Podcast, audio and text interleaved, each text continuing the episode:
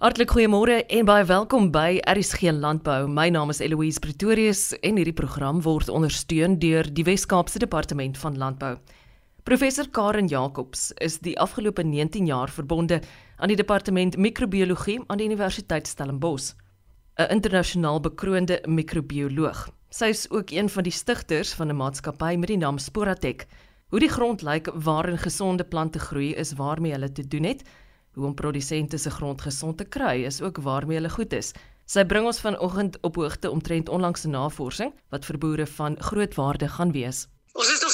Ons is nog steeds nog druk besig hierso met ons navorsing in grondgesondheid. So die belangstelling in grondgesondheid is definitief aan die toeneem en dis nogal iets wat nogal baie goed is om te sien. En so dit is maar as gevolg van die prys van die kunsmis en ehm um, meeste van die ander goed wat ons invoer, uh wat wat wat die wat dan nou behoefte meer van 'n behoefte is om daai goed af te skaal en meer van die natuur gebruik te maak. En, en ek sien daarom sien ons ook 'n geweldige toename in kliënte wat vir ons grondmonsters instuur om te evalueer van hoe lyk hulle gronde nou en wat kan hulle doen om hierdie hele ding te 'n bietjie aan te wakker aan te help. So dit is nogal vir my uh, baie interessant. Ek kan miskien vir jou van die ander inligting deel wat uh, wat uitgekom het wêreldwyd want daar's die, die beweging van die konvensionele boerdery na iets van 'n meer 'n uh, volhoubare boerdery is 'n vol volhoubare kosproduksie is is nogal iets wat nou vlam gevat het reg oor die wêreld en daar's oralste mense wat interessante goeders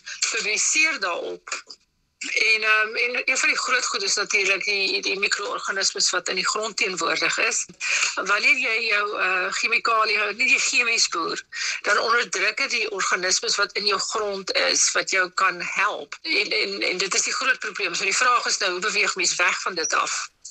En ek dink nie daar's 'n daar's 'n enkele antwoord daarop nie. Dit is dit is maar 'n 'n 'n proses wat bestuur moet word. Dit is maar 'n proses wat uh, versigtig bestuur moet word. En dit is nou maar uh, iets wat ons reël wat doen nou deesdae is om te kyk na na daardie tipe dinge. So ons weet byvoorbeeld dat binne in grond is dit uh nodig dat jy 'n simbiose daar moet hê van organismes wat help en organismes wat uh allerlei funksies funksies uh, verrig in jou grond.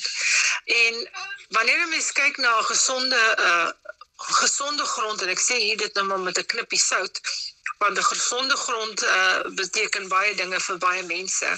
En een van die dinge wat ek dink al hoe meer 'n term wat ek al hoe minder sien gebruik word is grondgesondheid en ons kyk meer na grondfunksionaliteit. So dis of by goed wees as mens daai terme 'n bietjie meer kan kom want dis eintlik waarna ons kyk. Ons kyk nie na gesondheid nie.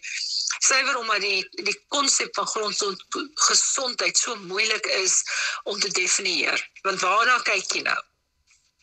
So ons praat baie van grondfunksionaliteit en uh, om daai funksionaliteit aan die gang te hou, het jy 'n sekere stel kondisies nodig in jou grond. Enige iets wat jy verander daaraan het 'n invloed op daardie populasies wat verantwoordelik is vir die funksionering van die die grond. Nou funksionele grond is maar net 'n grond wat hy hy help jou om te doen wat hy wat jy wil jy moet doen. Of so as dit nou is om 'n jou jou tuin te omskep na iets wat minder water gebruik, dan wil jy 'n grond hê wat funksioneel is wat op ander maniere dalk die water vir jou kan vashou wat vir uh, plante wat nie so baie water gebruik nie, allerlei maniere wat jy kan hê om die vog in die grond 'n bietjie langer daar te hou. So jy jy kan met dit wat jy doen, kan jy jou grond baie manipuleer. Dis manipuleer is so 'n lelike woord, maar jy kan die grondorganismes um, ondersteun om die funksie te doen wat hulle veronderstel is om te doen.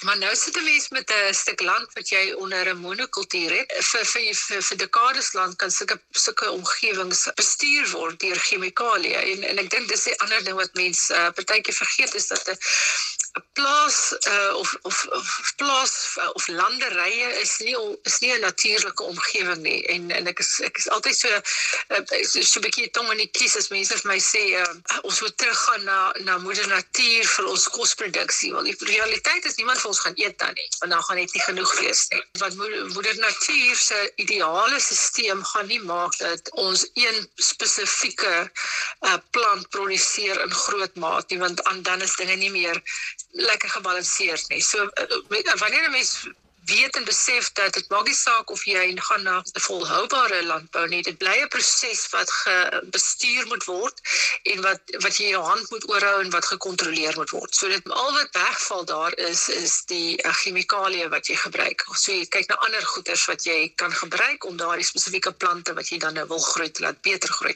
Binne in die grond is daar nou 'n klomp organismes wat vir jou funksies kan oorneem. En wat hierdie ouens nou gedoen het is om te kyk spesifiek na die opname en van van fos, fosfaat in die grond. En dit ons almal weet dit is 'n dit is 'n mineraal of is 'n komponent in die grond wat baie beperkend is. So en dis ook maar een van daai goeters wat dit kan baie fosfaat in die grond hê, maar die vraag is is dit sodat die plant dit kan opneem. En binne in die grond-ekosisteem bestaan daar 'n klomp organismes wat die vermoë het om daardie anorganiese fosfate te vat en dit in 'n vorm om te skakel wat deur 'n plant opgeneem kan word. En maar wat ons nou wel sien is wanneer jy nou verskillende um, landbou sisteme het, so jy gebruik baie gifstowwe, so dit dit dit sluit in jou jou jou plante gifstowwe vir plantbeheer en vir onkruidbeheer en vir insekbeheer dan verminder jy die funksie van hierdie spesifieke organismes in die grond. En dit is hierdie organismes is nie tradisioneel organismes wat jy byvoorbeeld sal koop um, in 'n pakkie wat help met om 'n plant beter te laat groei of uh, vir 'n biobeheer van organismes nie. Dit is glad nie daai organismes en hierdie is goed wat algemeen in grond voorkom en daardie uh funksie het. Soos byvoorbeeld die hele wat van die swamme in grond het die funksie om die fosfate te mineraliseer en op 'n manier beskikbaar te maak vir plante. Nou, en oomblik as jy kom met jou chemikalieë en jou gifstowwe, dan onderdruk jy hierdie vermoë van hulle om te doen. So in my opinie nou en my definisie, het jy nie meer 'n funksionele grond nie. En ek dink dit is die moeilike ding waarmee mense worstel deesdae. Op watter punt op watter punt kan jy oorgee aan aan die natuur en watter punt moet jy insette insit? Want op help ook maar nie. Hierdie is maar baie keer jy kan nie net onttrek nie die arme grond gaan onttrekkingssimptome hê. Mens moet dit geleidelik doen want daar is tog nodig om 'n 'n klein bietjie chemie in die grond in te sit. Jy kan dit nie heeltemal wegvat nie want daai klein bietjie is dalk nodig om 'n proses net te begin of vir 'n organismes om net die beperkende voedingsstowwe bietjie weg te vat sodat 'n ander proses kan beter werk. Byvoorbeeld die koolstofsiklus waar ons 'n uh, organisme het wat die koolstof in grond organiese koolstof of organiese materiaal afbreek koolstof kleiner koolstofverbindings sowel as CO2 nou as daai ding stadiger en stadiger word gaan die opbou van daai organiese koolstof hê sonder dat die organismes dit gebruik en weer beskikbaar stel vir ander uh, vir ander prosesse So mens kan byvoorbeeld om dit uh, vinniger te maak in die vorm 'n bietjie fosfaat en stikstof gee net om daai uh, beperkende faktor te lig sodat daai koolstofsiklus vinniger kan hardloop. Maar jy weet dit is nie ek dis nie so maklik nie. Hierdie is regtig ek weet dink daar's nog dit is dis uh, dis iets wat ons regtig baie na sal moet kyk in terme van uh, hoe die mikroorganismes reageer op hierdie insette, hoeveel is insette is genoeg, hoeveel insette is nie genoeg nie. So dit is een van die baie interessante goed wat ek raak gelees het hierdie jaar en ek is regtig ek is regtig baie opgewonde oor hierdie artikel. Hulle het hom met Nature gepubliseer. So die impak van hom is is nogal redelik groot. Maar as jy 'n oormaat fosfaat in jou grond te gaan sit, gaan hulle ophou werk want daar's geen doel dan vir hulle daarvoor om daai goed te mineraliseer nie want hulle gebruik dit net. Daar's nog genoeg. So dit is nodig om 'n verwantskap met 'n plant aan te gaan om vir hulle fosfor te verskaf sodat die hulle weer iets soos 'n hulle koolstofbron uit die plant uit kan kry nie want jou plant natuurlik skei allerlei suikermolekules soos die polisakkariede af. Ander organismes stof wat uitgeskei word uh uit die plante deur hulle wortels wat aan hierdie organismes dan koolstof veroorsaak en wat hulle aantrek na die plant toe. So hulle is nie noodwendig iets soos 'n mikoriza wat nou geassosieer is met die grond nie. Hulle bly net in die grond. Hulle kan al hierdie funksies verrig wat ander organismes nie noodwendig of wat wat jy nie noodwendig verwag in die grond uh, natuurlik sal plaasvind nie. Ek dink die een ding wat ek oor die laaste paar ek moet sê maande agtergekom het dat is it's not that simple. Dit is glad nie so maklik nie. Dit is makliker gesê as gedoen. Maar daar's tog daar is tog boere wat dit reg kry en oor tyd wegbeweeg van chemie af en regtig hulle boerderye so op 'n baie natuurlike manier hanteer. Dis nie net kunsmis nie, dit dit gaan ook oor oor gifstowwe wat gespuit word. Die beperking op watter gifstowwe en hoeveel gifstof jy kan spuit raak al hoe strenger van van ons uh die vennote waar jy ons uitvoer byvoorbeeld. Uh so dit is nodig om te kyk na 'n stelsel wat siektes gaan onderdruk op 'n meer natuurlike manier of ten minste vir jou gaan help sodat jy jou gifstof toedienings kan minder maak en uh 'n meer onderdrukking kan kry van jou patogene byvoorbeeld. Uh en in daai geval is iets soos 'n um, 'n volhoubare landboustelsel waar jy plante het waar jy byvoorbeeld jou primêre gewas binne in die vorige jaar se stopsels byvoorbeeld plant met 'n dekgewas saam met dit sodat jy 'n verskeidenheid van verskillende organ uh, plante daai het en hulle gaan verskeidenheid van verskillende organismes aantrek na hulle risosfeer of na daai stukkie rondom die wortel wat gaan maak dat die funksie binne jou gronde verhoog. En dit is uh, daar's heelwat artikels nou in die laaste paar maande uitgekom om te wys dat wanneer jy dit suksesvol doen dan onderdruk dit die patogene in die grond. So wat nou moet hulle kompeteer met ander organismes wat ook vestig daar en wat dalk bietjie beter is as hulle in in biologiese oorlogvoering want ek meen die realiteit is dit is wat in die grond aan die gang is. Dit is een groot biologiese oorlog. Almal wil net oorleef. Hulle wil 'n habitat hê waar hulle kan floreer en hulle wil uh vermeerder.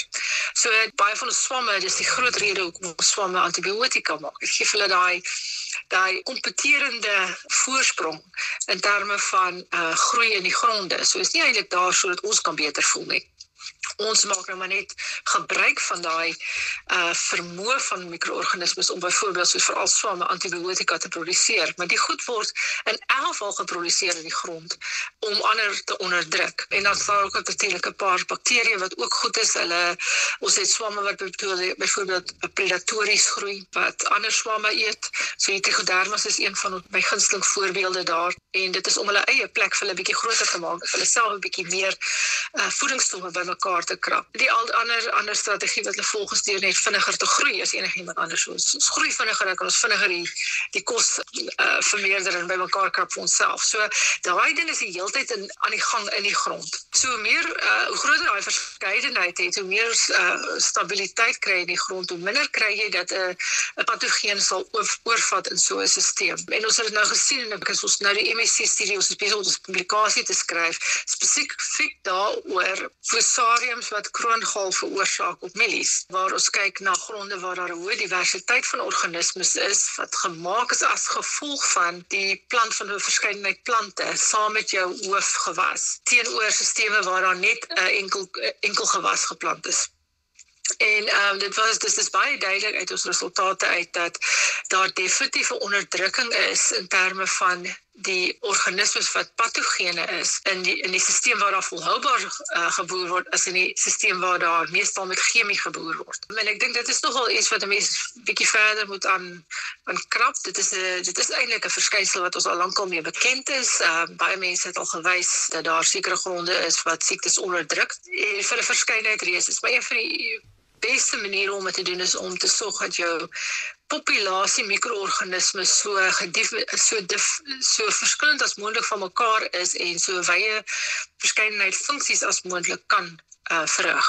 Die prinsip is maar net daar's minder daar's minder plek, spasie vir jou patogene om te vat want daar is relatief minder kos vir hulle beskikbaar alhoewel jy dieselfde gewas gaan plant. So ek weet dit is dit is regtig interessante goed wat ons uh, raak sien in terme van ons grondmikrobiologie. Mense is altyd welkom om ons te skakel. Ons het uh, ook 'n webtuiste waar ons ons uh, mense help om te kyk na hulle grond uh, grondmikrobiologie. Ons het al meer toetse begin inbring wat ons kyk na grond uh, funksionaliteit meer as net die diversiteit van die organismes. Uh so as mense dalk belangstel daarin kan hulle ons uh, besoek op www.sporatek .co.za. Al ons kontaknommers is daar, so mense is baie welkom om ons te kontak. Ek dink een van die hoopvolle goed wat ek kan sê in hierdie in hierdie tye wat baie van ons maar partykeer voel dat daar daar daar nie eintlik veel hoop is nie, is die geleenthede wat ons het voor ons om nie te dink, om uit die jy weet 'n bietjie uit die boks uit te dink oor hoe om dinge te benader. En die realiteit is ons as mense en as Suid-Afrikaners is ons baie goed daarmee om dit te doen. En dit is my altyd baie lekker om te sien wat mense weer voor in dag kom. Maar definitief is die geleenthede wat ons het om nou 'n verandering te maak is is daar en uh, ek dink dit sal dit sal regtig nie 'n goeie idee wees om dit te vat nie. En dit is iets wat ons sal moet beter na kyk en met wetenskap ondersteunende data hierdie veranderinge dan aanbring. So gesels professor Karen Jacobs van die departement microbiologie aan die Universiteit Stellenbosch. Môre om kwart voor 12 is dit weer tyd vir nog 'n aflewering van RSG Landbou en om dan weer saam met jou te kuier, iets waarna ek baie uitsien. Intussen wens ek jou 'n wonderlike Vrydag hier in die geselskap van RSG. Totsiens.